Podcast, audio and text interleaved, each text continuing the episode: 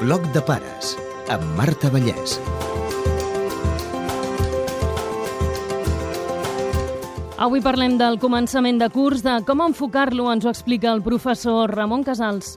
L'escola és un planeta tot ple de nens i nenes. Els mestres són el risc d'aquest gran paradís.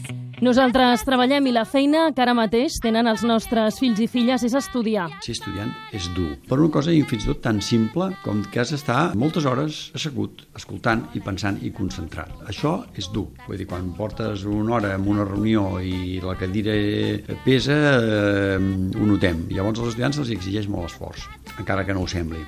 Compta amb un excés de proteccionisme. Protegir els fills, preocupar-nos pels seus problemes, que té un petit problema a l'escola, que no està a gust a la classe que va, que amb aquella nena ha tingut un petit enganxada... O sigui, els hi fem com d'un coixí. A vegades intervenim quan hem d'intervenir. A vegades ens preocupa que no li agrada una cosa. Ens hem de mentalitzar que hem de fer als nostres fills persones fortes, persones perseverants, que sàpiguen solucionar els seus problemes, afrontar les contrarietats, que siguin capaces de fer una cosa en encara que no els vingui de gust. Persones que no se sentin desgraciades quan no poden fer el que els agrada. Està bé predicar amb l'exemple. Mentalitzar els nostres fills que tenim uns deures, que tenim unes obligacions i que les hem de fer. Si els pares ho pensem així, els nens ho entendran així. Si els pares ens, ens sap greu que, ai, pobret, és que ara això no li agrada, és que ara no sé què, ells s'ho creuran. Eh, ells són un reflex del que, del que els seus pares i mares pensen. Doncs de cara a l'escola s'ho passaran més bé, sobretot en funció de, de que ells, ells no vagin a l'escola pensant que s'han d'anar a divertir, pensen que han d'anar a treballar, a formar-se i a aprendre.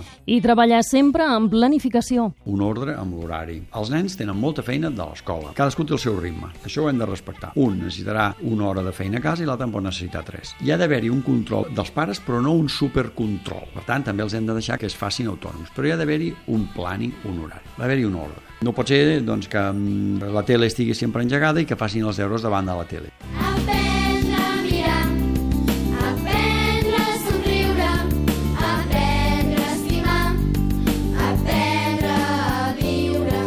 Necessiten un espai on puguin concentrar-se. Molt pocs són capaços de concentrar-se a la taula de menjador. Jo aconsellaria que puguin tenir un espai que puguin estar doncs, tranquils, que puguin tenir les seves coses. A veure, aquest espai pot ser la seva habitació, sí, però complica una mica el tema de les tecnologies. Clar, com que moltes vegades han d'usar també l'ordinador i l'internet pels treballs i per les consultes, doncs ja caiem amb el mateix, no? Alguns, bastants, doncs al tenir l'internet allà a l'accés pot ser que acabin distraient-se. Per exemple, podria passar que... La meva nena té l'ordinador a l'habitació, amb el seu internet, les seves coses, ho pot fer-ho tot. Molt bé. Potser això acabarà que suspendrà o que no, perquè en comptes d'estar pendent de, doncs, el que ha de fer, doncs només està penjant fotos al Facebook, mirant-se els vídeos del YouTube i ja he dit moltes vegades no sóc partidari de l'ordinador amb internet a l'habitació, ni fins i tot del, ni de l'ordinador a l'habitació. Per tant, sí pot ser que estudi en un altre espai de la casa, millor. Hem de gestionar el temps que dediquen a cada cosa. Cada vegada els costa més concentrar-se. Les coses han de ser molt ràpides. Canviem de canal constantment, canviem de missatge constantment, etc etc. Llavors això no ens permet assimilar bé les coses. I els nens tenen accés a una quantitat d'informació que no es podria somiar fa tan sols 10 anys, però cal que tanta informació no els ofegui. Aquest oceà d'informació els pot ofegar i al final pot ser que no arribin a captar. Per tant, cal gestionar-ho això. D'alguna manera s'ha de regular. Alguns nens necessiten que a casa se'ls reguli. Deixa el telèfon aquí en aquest prestatge. Ara te'n vas a estudiar. La poca concentració no seria tampoc l'únic problema. Tenir l'ordinador i l'internet i telèfon mòbil i, i televisió a l'habitació doncs pot ser un element de distracció. I no només de distracció, sinó també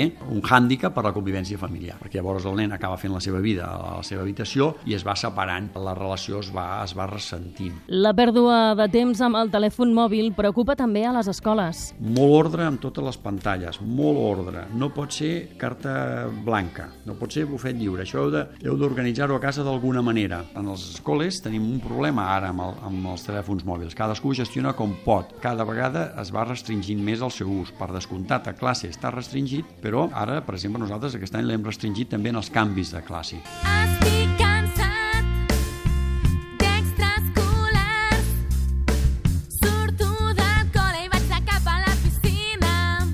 Molt de compte amb carregar-los cada tarda. Les activitats extraescolars també han d'estar mesurades, amb una lògica. No és bo que tingui tota l'agenda massa plena. Ha de tenir temps per viure i per disposar i sentir que pot respirar una mica. No els hi hem de ficar activitats extraescolars, crec jo, que no volen ells Una etapa clau és l'adolescència, canvis físics, també emocionals. Com ho enfoquem? Si estem parlant dels adolescents, és important que ara agafin l'hàbit de l'esforç si no l'agafen ara, no l'agafaran. Estudis recents de la Universitat de, de Steinberg, Filadèlfia, corroboren que l'adolescència el cervell fa unes transformacions en què les coses que acostumes a treballar, les connexions cerebrals es fan fins a 100 vegades més potents i més fortes. I allò que no fem servir doncs queda com gairebé atrofiat. Per tant, és molt important que no sucumbim a la mandra. Infant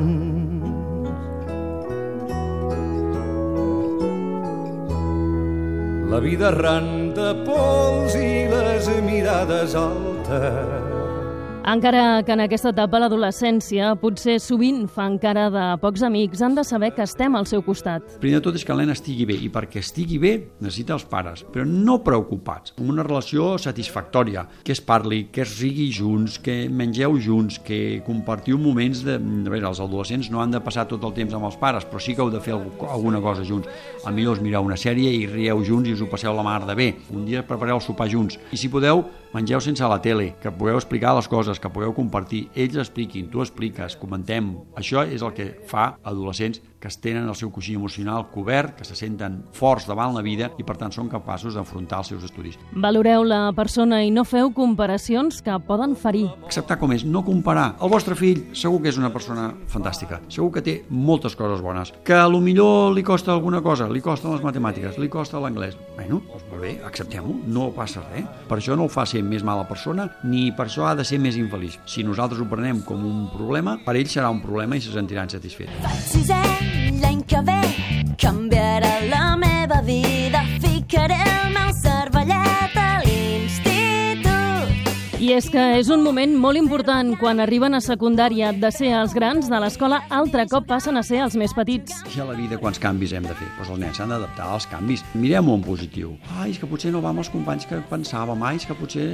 Bueno, i què? A la vida hi haurà molts canvis. Llavors, un aprenentatge que s'ha de fer és adaptar-se a les situacions. El canvi és molt natural. De fet, a primer d'ESO és, és el curs més tranquil dels instituts. La pujada forta d'adolescència és una, entre segon, final de segon i tercer. És el boom adolescent. És una estructura més complexa. La principal diferència és que són més hores de classe, però donar-los tranquil·litat i, i, bueno, i preguntar i el que no saben doncs, eh, moure's i solucionar-se les cosetes. Nosaltres estem a darrere, però no de seguida patint i de seguida corrent a solucionar els problemes, que s'espavilin. Nosaltres no hem de fer els deures. No li haurien de fer mai, mai li haurien de fer la feina. A veure, què hem de fer? Escolta, si no arriba el nen, que no arribi. Potser el mestre o la mestra haurà de, haurà de baixar plantejaments. El que no pot ser és que arriba perquè el pare o la mare estem allà asseguts. Recordo el cas d'una família que em deia el pare, no, és que nosaltres ens ho tenim repartit. Matemàtiques i ciències naturals se'n cuida el pare, les ciències socials i, i les llengües se'n cuida la mare. Però això què és? No, no, és ell que s'ha de cuidar de tot. Una altra cosa és que en un moment donat doncs, pregunti alguna cosa, però hem d'intentar que ells siguin autònoms. Ni perseguir-los cada dia perquè treballin. Ni fer-los la feina, ni ballar excessivament i cada dia anar controlant que la facin. Això sí, un marc horari que sap que ha d'estudiar, que no hi ha tele, que no hi ha jocs, que tingui un temps suficient, buscar això si cal ajuda, però en principi que ells vagin agafant el govern de la seva vida. És fonamental el missatge. Alguns s'arriben a pensar que estudien pels seus pares. Hi ha mares que diuen, és que el meu fill m'ha portat un 3 o m'ha tret un 3. No, no t'ha tret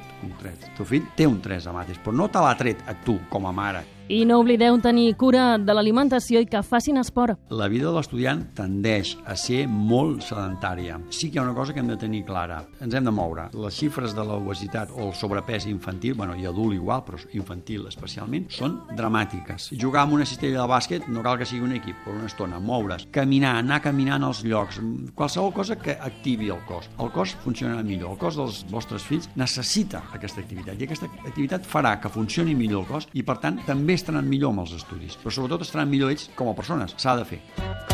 Hey, hey, good looking.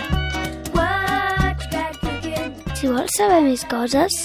Podeu consultar el llibre d'en Ramon Casals, Prevenir el fracàs escolar des de casa, editat per Graó, o de la mateixa editorial també Nueve ideas clave educar en la adolescencia de Jaume Funes, o Cómo hablar para que sus hijos estudien en casa y en el colegio d'Adel Faber i Elaine Maslis, publicat per Medici. I també per als estudiants, molt gràfic, Aprende a estudiar editat per Oniro. La principal ajuda és que els nens estiguin cuidats i estimats, que hi hagi una bona convivència, que hi hagi uns bons patrons de vida a casa, que el nen tingui clar que hi ha uns límits, que això es pot fer, que això no es pot fer, que els pares es preocupen per ell, això li dona una força per encarar les coses amb, amb més esperit positiu. Yeehaw!